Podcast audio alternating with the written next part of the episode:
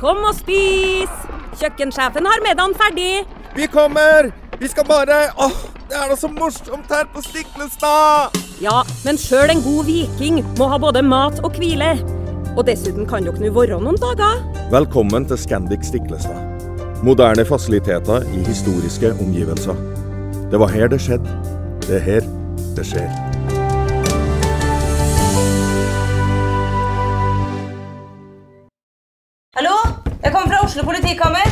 Ine Jansen er purk. Er du purk? The motherfucking bitch. Alt jeg vil, er å finne ut hva som skjedde med mannen min. Jon Carew. Er jeg sikta for noe? Iben Akeli. Det er du. Ole So, Lars Berrum og Big Daddy Karsten. Hvem sin side er du på, egentlig? Anette Hoff, Tone Danielsen, Kommer du fra Afrika?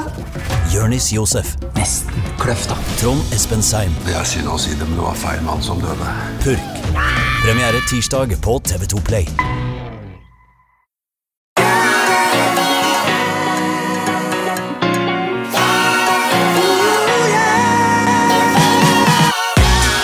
Episode av eh, Hjernesterk. Eh, Og Ole Petter, vi har jo uh, snakka dette med, med hodet og hjernen, det mentale, eh, dette med helhet. Eh, vi har vært inne på bl.a. studenter og eh, betydningen av fysisk aktivitet der, skole osv. Men det bringer meg litt inn på dette med hva skjer når vi blir eldre og eldre. Altså hjernen vår Eh, Jeg vet ikke om du vil beskrive det som en muskel, men jeg tenker litt på hjernen som en muskel, også som på en måte hvis du, du må på en måte holde den i form, da. Eh, Og du har skrevet en del, i, del om det i eh, boka di 'Sterk hjerne med aktiv kropp'. Så er du inne på dette med demens. Eh, Og demens er noen forferdelige greier. Det er 50 millioner mennesker i verden som lider av demens, sånn cirka i dag. Eh, Og denne gruppen vil bare øke. Det er et anslag som er på 152 millioner innen 2050. Så eh, det har en kostnad i dag, kjempekostnad, samfunnskostnad på rundt en billiard dollar, er det undersøkelse på. Eh, Og først, Ole Petter, eh, hva er egentlig demens? Det er et godt spørsmål. Og demens er jo en, eh, et begrep som er veldig lite selvforklarende. Jeg pleier, når jeg skal forklare det til andre, å si at det er hjernesvikt. Vi snakker jo ofte om hjertesvikt når hjertets funksjon svikter. Og, og kanskje burde det heller vært kalt hjernesvikt. Det er rett og slett eh, tap av nerveceller i forskjellige deler av hjernen, altså aks, et akselerert tap. Et tap som er større enn det man kan forvente ut ifra alder. Vi taper jo alle nerveceller, faktisk fra vi er relativt unge, 25-30 år, så får vi færre og færre nerveceller. Og, vi kan tape så mye som 100 000 nerveceller per dag.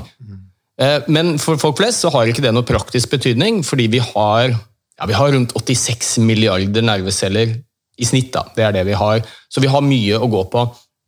Men så er det noen som har et større tap enn dette, og det går betydelig utover hjernefunksjonen deres og evnen til å fungere i hverdagen. Og det er flere områder av hjernen som taper nerveceller i et høyt tempo når du har demens, men kanskje først og fremst eh, områder som styrer hukommelse, evnen til å tenke, planlegge, gjennomføre oppgaver. Så veldig mange av de som er rammet av disse sykdommene, de har veldig lavt funksjonsnivå i hverdagen. Og vi snakker om rundt 100 000 nordmenn som har demens i dag. Og da pleier jeg å si at da er det kanskje så mye som en halv million nordmenn som er hardt rammet.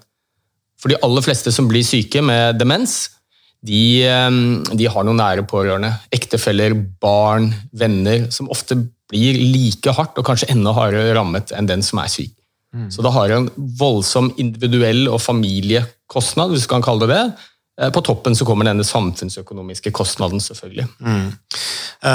Det er, eh, du skriver i boka di eh, rundt dette med demens eh, at pasienter med demens lider ikke først og fremst av hukommelsestap. De lider av et identitetstap. Gradvis blir de skygger av seg selv. Eh, Og da er du inne på det du akkurat sa. Få sykdommer rammer familier hardere enn demens. Eh, Og det er jo sånn, det som er så trist med demens, da, det er jo at personer som gjerne er sterke eh, mennesker som bidrar til folk rundt seg, eh, viser folk, eh, som, som heier på og motiverer andre, plutselig så, så mister de det. Altså, de, de er bare, som du skriver, skygger av seg selv. Eh, Så det med identitetstap er, eh, er jeg helt enig i at det blir. Eh, det blir, som du sier, en voldsom belastning på, på folkene rundt. Men én ting er jo selve sykdommen. altså vi har jo snakket mye, altså Fysisk aktivitet er jo elementært i denne podkasten her. Eh, og det som ofte er med demenspasienter, gjerne eldre demenspasienter, er jo gjerne at de blir ganske inaktive. Eh, hvordan kan Hvorfor er fysisk aktivitet viktig for mennesker med demens? Ja, du, jeg tenker at jeg tenkte vi skulle bare spole litt eh, tilbake først, og så si at det, det er forskjellige typer demens. De aller fleste har hørt om Alzheimers demens, som er en type, og så har vi også noen andre typer, f.eks. noe som heter vaskulær demens, som kan skyldes at blodårene til hjernen eh, blir tette, og man får mindre oksygen til, til nervecellene. Og så er det jo sånn at, jeg tenkte jeg skulle si bare bitte litt om hukommelse også, fordi at uh, hukommelse er jo gjerne den funksjonen som svekkes aller mest ved Alzheimers demens, og andre typer demens også. Og hukommelse er jo noe vi tar litt for gitt. Det er en helt nødvendig funksjon for å overleve, og vi tenker ikke over hvor viktig det er før faktisk den funksjonen begynner å svekkes, som f.eks. ved Alzheimers demens. Da ser vi jo virkelig hvor nødvendig hukommelse er for å fungere i hverdagen.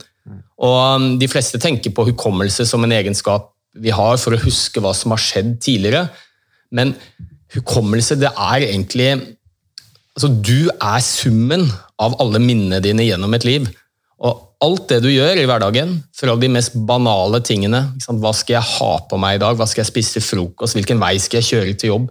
Til de store avgjørelsene i livet. Hvor skal jeg bo? Skal jeg gifte meg? Skal jeg få barn? Hva skal jeg drive med? Alle de avgjørelsene avhenger av minner. Så vi er helt avhengig av minner faktisk for å fungere. Og, og så er jo hjernen, eh, litt enkelt sagt, da, opererende etter et prinsipp som heter use it og lose it. Som betyr at de områdene som brukes mye, de nervecellene som stadig vekk er i aktivitet med sine forbindelser, de styrkes, mens de delene av hjernen som vi ikke bruker så mye, de svekkes. Og så er jo det store spørsmålet hva er det med fysisk aktivitet som gjør at man reduserer risikoen for å bli dement. For det er veldig godt dokumentert. Er du i regelmessig fysisk aktivitet, så kan du nesten halvere risikoen din for å bli dement i løpet av et livsløp. Altså halvere risikoen din. Ja, Så forebyggingen er kjempeviktig her, da. At, å bruke fysisk aktivitet som forebyggende. Ja, Det er det suverent viktigste enkeltverktøyet vi har for å forebygge demens. Det er en del andre risikofaktorer også, bl.a. røyking og usunt kosthold. Men fysisk aktivitet står i en særklasse. Og så er vi ikke helt sikre på nøyaktig hva som skjer inne i hjernen, men, men vi tror at det skyldes bedre blodsirkulasjon til hjernen. Vi skiller ut en del vekstfaktorer som er med på å lage nye nerveceller, faktisk. Spesielt i dette hippocampusområdet. Ja, når vi er fysisk aktive. Ja. Som er viktig for hukommelse. Og, og hippocampusområdet er jo det området som kanskje aller først blir svekket ved Alzheimers demens. Så det skjer en rekke kjemiske ting oppe i hjernen når vi beveger oss, som viser seg å, å, gjøre nervecellene mer robuste. Vi lager flere forbindelser mellom dem, nervecellene dør ikke så lett, og vi kan til og med lage noen nye nerveceller gjennom hele livsløpet vårt. Så når vi er ute og mosjonerer, så utvikler vi altså fysiske hjerneceller og øh, slags ledninger da, mellom hjernecellene. Det skjer fysiske ting oppi hodet vårt. Ja, det gjør det definitivt. og det gjelder alle typer demens. Eh, Alzheimers demens, disse vaskulære demensene, som skyldes ofte at blodårene blir trange. Der vet vi jo veldig godt at regelmessig fysisk aktivitet er med på å holde disse blodårene åpne. Du senker blodtrykket ditt, du senker kolesterolnivået ditt, som er viktige risikofaktorer for akkurat den spesielle typen demens. Mm. Um, det er uh jeg, jeg, har, jeg, har, en mor som er dement, uh, og det er veldig trist. Hun har jo alltid vært uh, fysisk aktiv. Og som jeg sa, så hun har alltid vært en person som har hjulpet alle andre, vært sterk rundt sine nærmeste. og hun har en type demens som gjør at hun blir veldig urolig, og det har jeg også snakket med et par venner av meg som også har foreldre som er dement. De blir veldig urolige det kan sikkert ha noe sammenheng med en slags sånn angst, at de ikke har oversikt osv. De ønsker gjerne å bidra, men de klarer ikke å bidra på samme måte som før. Det gjør de urolige, det gjør de frustrerte. Eh, det der at eh, vi kanskje ikke Jeg prøver jo å si til min mor Prøver å på en måte engasjere henne eh, når jeg er sammen, med henne, sånn at hun har en følelse av at hun bidrar. Men det som jeg har god erfaring med når jeg er sammen med mor, og hun er veldig urolig, det er det å bare ta henne med ut på en tur. Og gjerne litt ut i skogen, med staver i ulendt terreng, da merker jeg at da blir den uroligheten blir borte, og da har vi også veldig fine stunder sammen. Da, da, er, måte, da er, det ganske normalt. Da snakker vi sammen som, som, mor og sønn på en helt annen måte enn det vi ellers gjør, hvor det bare er egentlig det er urolighet vi snakker om. da. Um, så det er et triks jeg har lært meg til nå, at hvis min mor, når jeg er sammen med henne, hun er veldig urolig, så sier jeg nå må vi gå ut og gå en tur. Og hun har jo også alltid vært veldig opptatt av dette med fysisk aktivitet. Eh, og så Hun skjønner jo det, det gir en mestringsfølelse for henne også. Det der at nei, nå går vi ut og mosjonerer. Det er litt sånn, ja sjekk, da har vi vært ute og mosjonert, og det syns hun er tilfredsstillende òg, da. Så, men er det ikke da en Jeg har snakket da, som jeg refererte til disse vennene som også har eh, foreldre som er dement, som, som har de på pleiehjem, eh, og sier at de er veldig inaktive. Eh, er ikke det en kjempeutfordring i behandlingen av, eh, av pasienter med demens, dette her at de blir sittende altfor mye stille? Jo, det er en stor utfordring. Og nå er du inne på dette med behandling av demens. Nå snakket vi jo litt om hvordan fysisk aktivitet kan forebygge, men det viser seg jo at fysisk aktivitet, regelmessig bevegelse, er en, et godt behandlingsalternativ for de som har fått sykdommen også. Og det er jo ikke noe kur. Sykdommen blir ikke borte, men du kan bremse forløpet av den. Mm. Og Det viser seg jo da at det å være i regelmessig bevegelse er vel så effektivt som de aller beste legemidlene vi har mot demens. Vi har fire registrerte legemidler mot demens i Norge i dag, og regelmessig fysisk aktivitet er vel så effektivt. Og har alle de andre positive effektene også. Og så er jo Litt av ironien her at uh, demenspasienter er kanskje en av de gruppene pasienter som responderer aller best og har aller best effekt av å være i bevegelse. Allikevel er de den minst aktive gruppen av pasienter. Mm. Veldig ofte så ender de opp med å leve et veldig stillesittende liv. Mange er på institusjon, hjem. Og, og, og som nesten, Tungt medisinert òg? Ja, og, og, så fortoner det seg nesten litt sånn som Guds venterom. Mm virkelig mange av disse sykehjemmene hvor det er mange demente pasienter. Eh, mange er urolige, de har behov for å bevege seg, sitter mye stille, blir urolige og ender da opp med å bli tungt medisinert for å fjerne uroen. Og jeg tenker jo at Her er det jo virkelig en gruppe hvor man burde ta tak og få de til å bevege seg litt mer. Mm. Vi har snakket om det før også, vi har gym i skolen. Vi er veldig opptatt av fysisk aktivitet, men hvorfor har vi ikke regelmessig fysisk aktivitet på aldershjem og sykehjem? Mm. Det er jo den gruppen som kanskje har aller størst effekt av det. Ja, så, så gøy, tenker jeg. Altså, altså, jeg har en sånn video jeg bruker litt i foredrag og, og kickoff med bedrifter jeg jobber med. og sånne ting. Og Jeg rett og slett bruker disse her gamle NRK-filmene med sånn gym, gymnastikk for eldre. Mm. Uh, og det, det, blir så god stevning av det òg. Med pianospill, og man gjør noe sammen, og det blir lett stevning, og det kommer latter. Uh, og jeg tenker også at liksom det kan jo være litt tung stevning sikkert på en del av disse aldershjemmene. For å få opp humøret litt og skape litt fellesskap og glede òg, så er jo fysisk aktivitet en, en, nøkkel, tenker jeg. Ja, visst er det det, og så behøver vi ikke å tenke trening her. Det er ikke sånn de skal ta på seg tights og gå ut og jogge, det er ikke det vi snakker om. Det kan være noe så enkelt som dans, musikk. Vi har et sykehjem rett oppi veien her hvor det er mange demente pasienter som tilfeldigvis ligger rett ved siden av barnehagen hvor min sønn gikk i mange år. og, Der pleide de et par ganger i måneden. Så kom barnehagebarna på besøk til aldershjemmet, sykehjemmet, og så hadde de dans. Barna danset for de eldre, og så begynte de eldre å danse også. Og, barna elsket jo de som var der, pasientene. Stortrivdes. Og det, altså, det er ikke så veldig mye som skal til.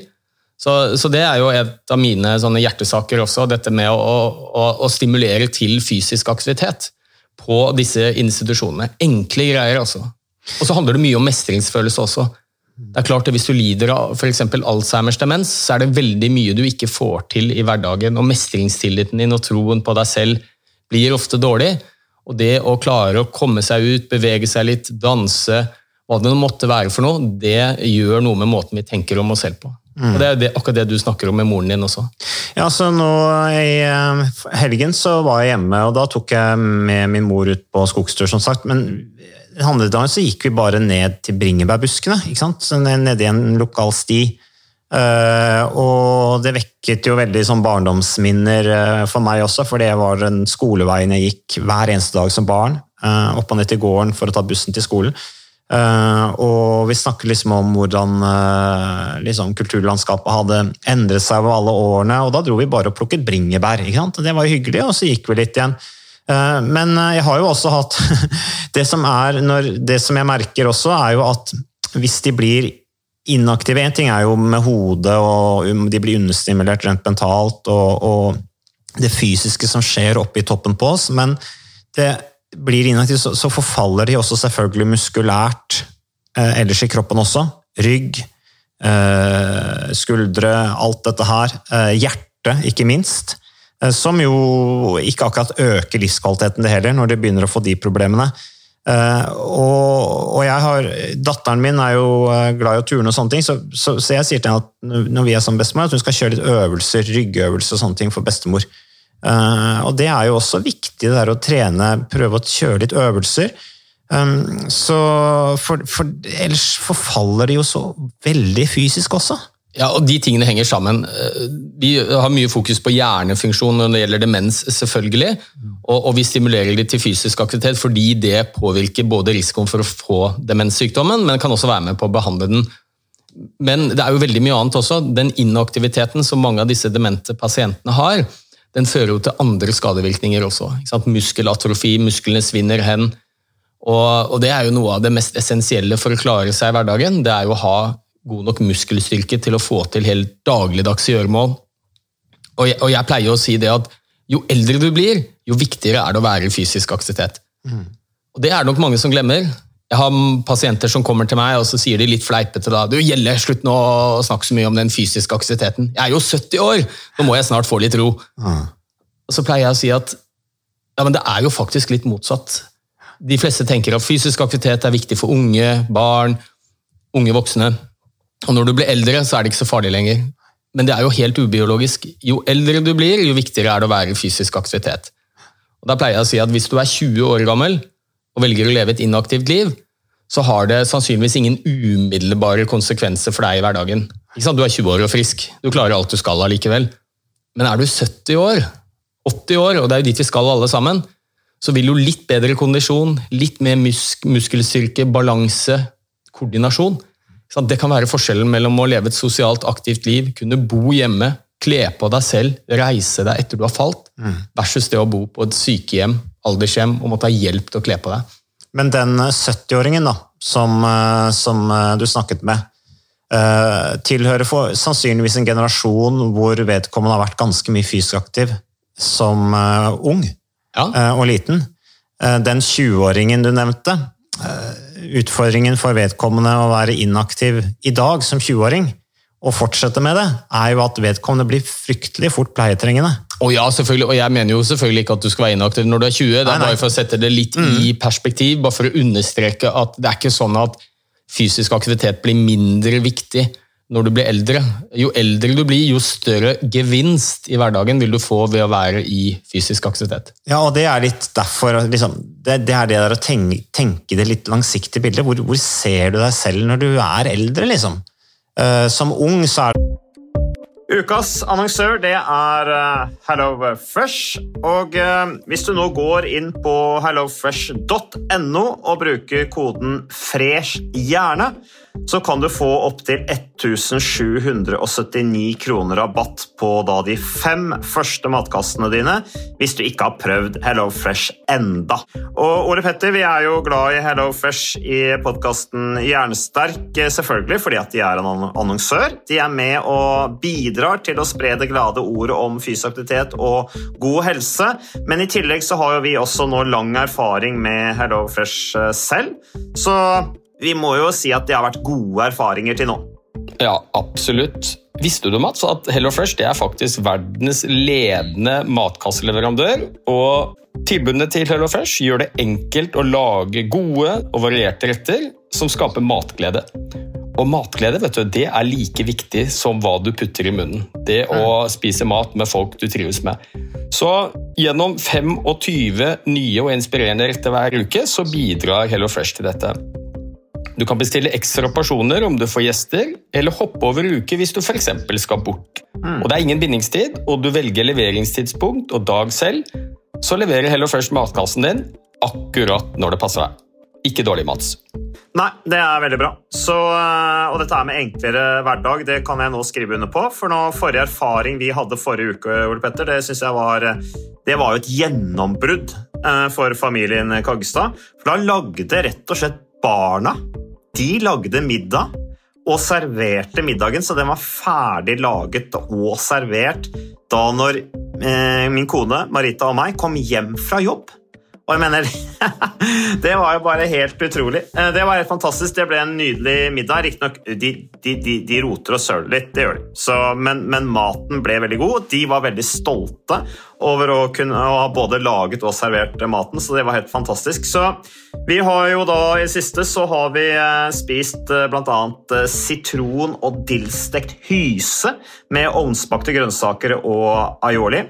Eh, Vi har spist middelhavsinspirert kylling. Taco, så finnes det mange ulike typer taco. F.eks. vietnamesisk taco, som vi har spist. Thailandsk vegetargryte. Veldig riktig og sunt eh, i dagens eh, samfunn med, med fokus på bærekraft. Hvitløk og chilistekte reker i spagetti, det var definitivt en vinner. Så det er så flott. Du får rimelig mat ved at du kun betaler for det du trenger, så det blir ordentlig feststemning med Hello Fresh. Det gjør det, og nå er det bare for deg å gå inn på hellofresh.no og bruk koden FRESH hjerne. Da får du opptil 1779 kroner rabatt på de første fem matkassene dine, hvis du ikke allerede har prøvd HelloFresh. Du kan også bruke rabattkoden hvis du har stoppet abonnementet ditt for tolv måneder siden eller mer. Er det noe å lure på? Håper maten smaker godt. Bon appétit! Det er selvfølgelig veldig få som tenker på det. Det er jo masse undersøkelser gjort blant yngre mennesker. Liksom, de tenker ikke på alderdommen, ref, sparing til pensjon og sånne ting òg. Men liksom, hva slags, hva slags liv vil du ha som voksen også? Uh, ref dette med forebygge i forhold til bl.a. demens. Muskler, ledd, uh, det fysiske, ja. Men også hjernen trenger fysisk aktivitet, særlig som ung. Da er det også større sjanse for at du forebygger demens senere i livet. Så, men øh, jeg hadde forresten øh, Hvis vi skal gi noen tips da, til I og med at det er stadig flere som blir en, en, ting er de som blir rammet av demens, pasientene, men som du var inne på her også, at alle disse andre rundt, som på en måte blir indirekte ramma ved at de har folk i familien med demens, så er det en voldsom belastning for hele familien. Det er en vanskelig situasjon trist. Men man kan jo prøve å gjøre det til noe positivt, tenker jeg. Og det som er min, min opplevelse av de med demens, er at de har det egentlig bra. Men det er veldig viktig at man på en måte ikke påpeker at de er demente, og gjøre hyggelige ting med dem. Og en annen utfordring med folk eldre med dement er jo at de gjerne også blir dårlige fysisk, og så kan det vel også være en viss sånn angst og uro i forhold til å være ute og bevege seg. De blir dårlige til beins osv. Så, videre. Så sånne smarte ting som bare sånne verktøy som f.eks. kjøpe staver, det, det, har vært viktig for min, min, mor, i hvert fall, og det tenker jeg for andre, andre demenspasienter òg. At liksom, staver bør man jo ha tilgjengelig på alle typer aldershjem. Sånn at de eldre kan gå ut og gå en tur, for da har de noe å støtte seg på. Det gir en trygghet. Men også dette her at da får de også brukt overkroppen. Skuldre, armer. De får jobba hardere, for det er også også eldre har god effekt av å trene. Og jeg har faktisk hatt treningsøkt med min mor på ergometersykkel, hvor du har wattmåler. og jeg har på en måte brukt de samme prinsippene som det, det jeg gjør når jeg trener, eller, eller uh, toppidrettsutøvere. At du, du, ser på watten, og så er det opp og ned i watt. Og så ser jeg jo liksom har jeg sett noen økter nå. Liksom, ja, hun blir tryggere på å kjøre på den og den wattbelastningen, og så er det å gi masse skryt og heie på henne. Og det gir jo en enorm tilfredsstillelse og, og mestringsfølelse for min mor da, når vi har fått gjennomført de øktene der. Men det der å ha staver, tenker jeg, er et must altså, hvis du har foreldre f.eks. For med demens. Kjøp staver til, til jul. Um, er det noen andre ting du tenker på rundt uh, dette her med, med demens? Uh, uh, Ole Petter, jeg ser jo Mina Gerhardsen i Nasjonalforeningen for folkehelse. Jeg følger henne på Twitter. og Hun er veldig opptatt av demens, selvfølgelig. Vi minst en rapport fra The Lancet som viser at 40% av demensforekomster kan forebygges, sånn som du er inne på, Ole Petter. Og hun skriver jo da på Twitter at Eh, at eh, det bør jo, det er nyhet, dette med forebygging, som for så vidt sikkert ikke er noe nytt for deg. Det bør jo da inspirere til økt innsats for effektivt folkehelsearbeid. Men så skriver hun også, eh, den, den, den undersøkelsen hun refererer til, refererer også til andre faktorer da, som, som, øker faren for demens. Og det er jo også sånne samfunnsutfordringer som luftforurensning, høyt alkoholkonsum, Eh, hodeskader, høyt støynivå, faktisk, eh, og røyking. Eh, som også er Men jeg tenker røyking, alkoholkonsum, i hvert fall det henger jo ofte gjerne sammen med dårlig, dårlig livsstil, da. Som, som ofte også har, fører til inaktivitet. Men hvordan høyt støynivå, er det noe du var, var klar over? Ja, jeg er klar over det. Altså, det er jo sånn at Alle faktorer som kan skade nervecellene våre, jo, kan være medvirkende til å utvikle demens. Alle hodeskader.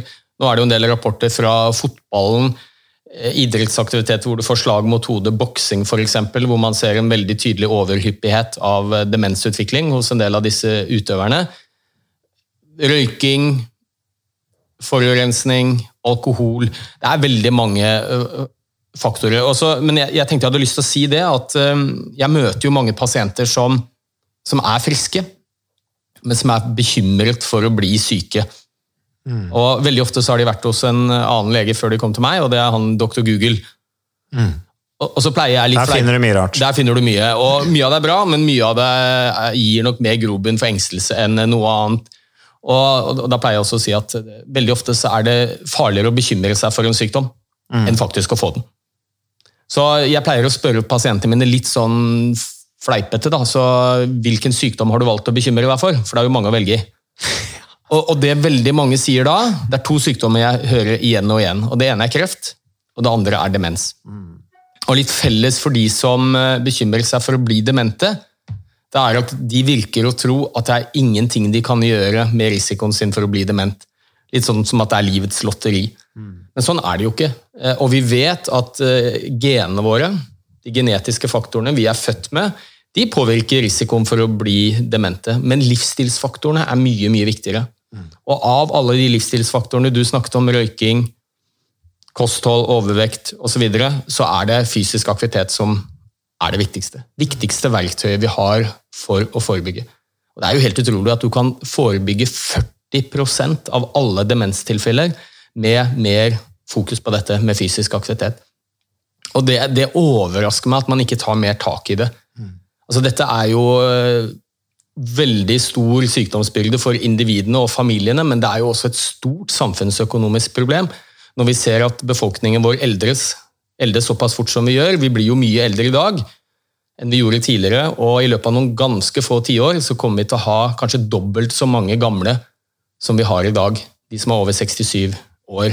Ja, vi lever jo kanskje lenger, men samtidig så er det en fare for også med økt inaktivitet og dårlig livsstil at vi blir fortere pleietrengende.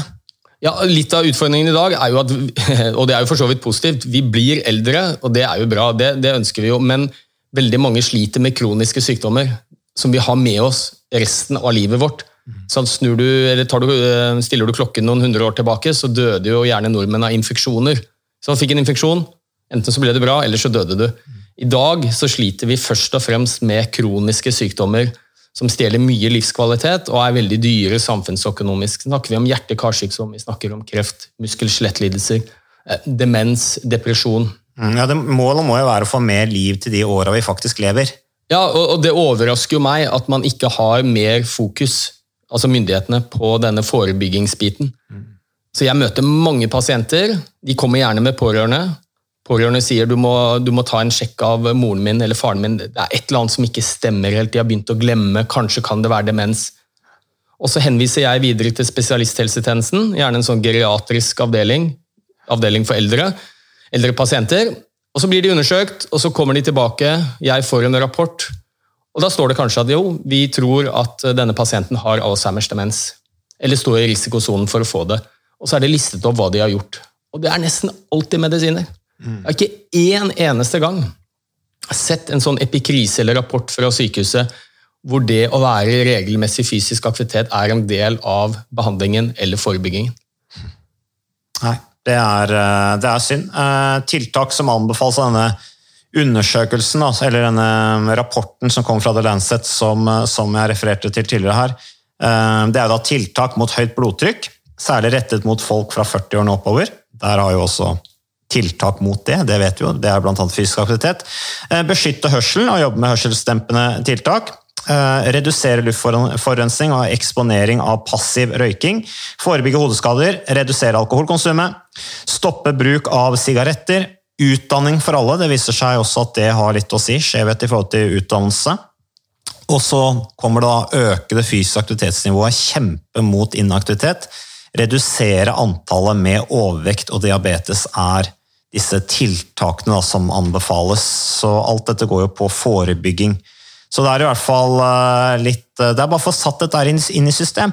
Jeg, jeg nevnte, jeg, Vi var jo inne på dette med aldershjem, og dette er at eh, alle, som jeg sa, at staver bør jo være på en måte obligatorisk del av alle aldershjem, sånn at eh, de eldre kan gå ut og gå tur med staver. Det er fin trening, og gir en trygghet også. Men jeg tenker liksom, vi har jo en veldig mye PT-er og mange folk som ønsker å jobbe med folkehelse, som har mye å bidra med, men jeg tenker liksom Istedenfor at PT-er skal drive og trene eh, mangemillionærer i finansmiljøet, så burde de også blitt brukt litt til å, å trene eldre. Det er jo masse ressurser der uh, ute som vil være med og bidra. Ja, Det er mange som er veldig gode. PT-ene er jo ett eksempel, og, og de må gjerne trene disse rikingene også. Det, Ja, fint, det er litt av. Litt av utfordringen er jo kanskje at de som trenger å ha best nytte av mer fysisk aktivitet, det er ikke nødvendigvis de som kontakter en PT. Og jeg har sagt flere ganger, er kanskje litt utopisk, men som lege så kan jeg henvise mine pasienter til veldig mye forskjellig type behandling og hjelp. Ikke sant? Jeg kan henvise til en gynekolog, og en hudlege, og øre-, nese- halslege og psykiater osv. på trygdenes regning. Hvorfor kan jeg ikke henvise noen til en PT? Det vil gitt en mye mye større folkehelsegevinst enn for eksempel å henvise til en hudlege eller en gynekolog. Som for så vidt er viktig, det også, men bare for å sette det litt i perspektiv. Og dette er, det er så undervurdert. Og av alle disse faktorene du nevner der, som du kan være med på å forebygge, så er det jo den fysiske aktivitetsbiten. Altså Jeg skjønner jo hørselsvern, ja, superviktig eh, for å forebygge demens, men fordelen med fysisk aktivitet er jo alle ringvirkningene. Altså Fysisk aktivitet vil jo være med på å forebygge så godt som alle de viktigste livsstilssykdommene vi sliter med her i landet. Det er jo ikke bare demens. Ikke? Bare tenk deg hjerte-karsykdom. Viktigste dødsårsaken i Norge, så vet vi at er du regelmessig fysisk aktivitet, så kan du halvere risikoen din for å få disse sykdommene. Så det, det undrer meg at det, det ikke er mer fokus på det. Og så tror jeg vel også at hjerte- og karsykdom Ok, du, du får eh, et hjerteproblem, da. Eh, og det fører da til inaktivitet, og da tror jeg på en måte du akselererer farten i forhold til å bli dement. da. Jeg, jeg, jeg har en sånn følelse av at det ene fører ofte med seg det andre. Ja, det har vi jo snakket om, at inaktivitet kan føre til mental lidelser som depresjon og sånne ting. Jeg vil jo anta at det også kanskje da i forhold til Det skriver du om i boka di også, og så skriver du også du nevner sju viktige risikofaktorer for utvikling av demens. Røyking, diabetes, høyt blodtrykk, overvekt, inaktivitet, depresjon og lavt utdanningsnivå. Det nevner du også i, i, i boka di. Eh, Så det ene fører ofte med seg det andre. Og i og med at fysisk aktivitet forebygger hjerte- og karsykdommer, det, det er ganske opplagt for de fleste. Det er ikke så opplagt for de fleste at det også forebygger mot demens. Men her henger jo bare alt sammen.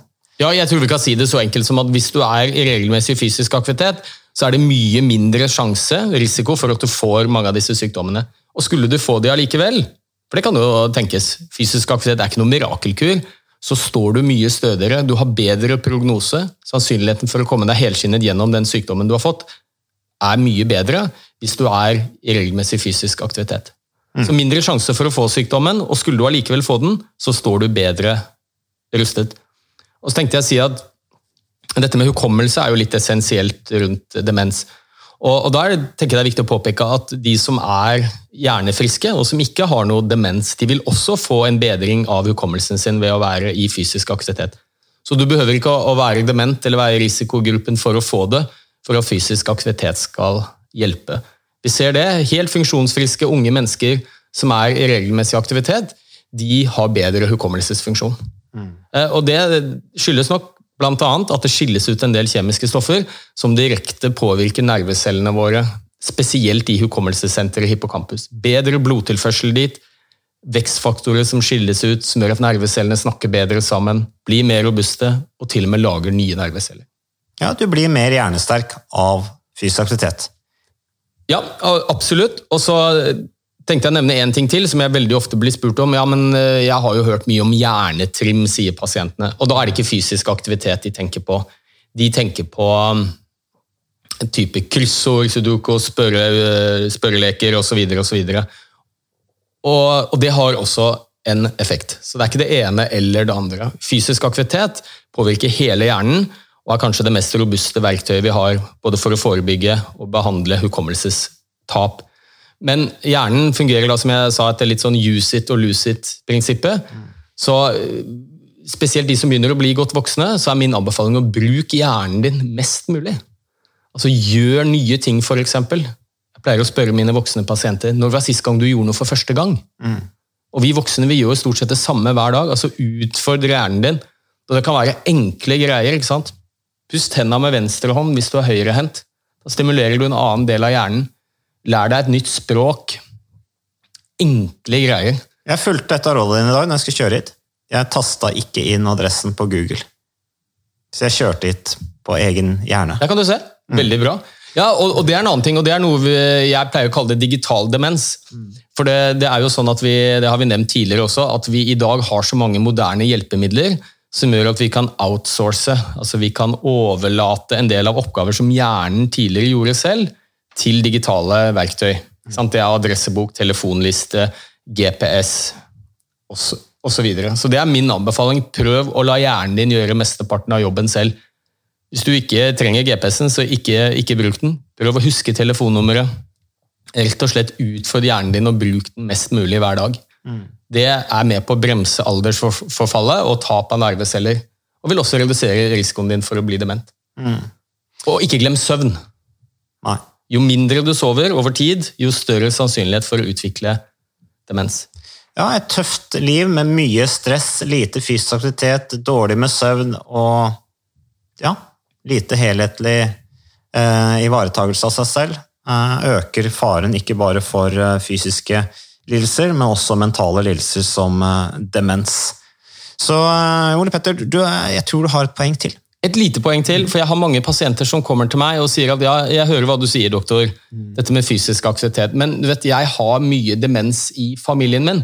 Ja. Sånn at det er tydelig at det er veldig genetisk. At jeg er i risikosonen pga. genene mine. Da er det kanskje ikke noe vits. Enda en god grunn til å Ja, og Da pleier jeg å si at det er veldig godt dokumentert at det er noen gener vi kjenner til som øker risikoen din for å bli dement. De genene får du ikke gjort all verden med, men det viser seg at de menneskene som har mye demens i nærmeste familie, det er de som har aller størst gevinst av å være i fysisk aktivitet. Så, så har du mange i familien din, og du mistenker at det er en økt genetisk risiko for at du skal bli dement senere i livet, da er det ekstra viktig å passe på disse miljøfaktorene med søvn, trening, kosthold. Mm, ja, jeg kjenner til eh, en som, har, eh, som, som er opptatt av det, og har frykt i forhold til det. Eh, Så, eh, så da, er det, da, da sier jeg nei, da er det ekstra lurt å mosjonere. Så det er veldig bra. Og så er det jo og så har jeg også snakket om andre igjen altså som sier ja, men dette ligger i familien. Så derfor så? For jeg sier at det er kanskje lurt å komme i gang og, og mosjonere litt og trene litt. Ja, men det ligger i familien, vet du. Dette med høyt blodtrykk. Ja, men da, det, det skal ikke bli en sovepute, det. Det, det. det burde vært et argument for å være enda mer opptatt av det. Så, og det er opp til deg sjøl, men eh, det er fullt mulig å både forebygge eh, og øke livskvaliteten og få mer liv til de åra hvis man holder seg i litt bedre Hvis man passer på å holde seg litt i fysisk form som eh, både ung og, og voksen. Så vi lar det si- hver siste ord, Ole Petter. Ja, vi gjør det. Så takker vi for at du har hørt på. Vi er tilbake snart med flere episoder av Hjernesterk.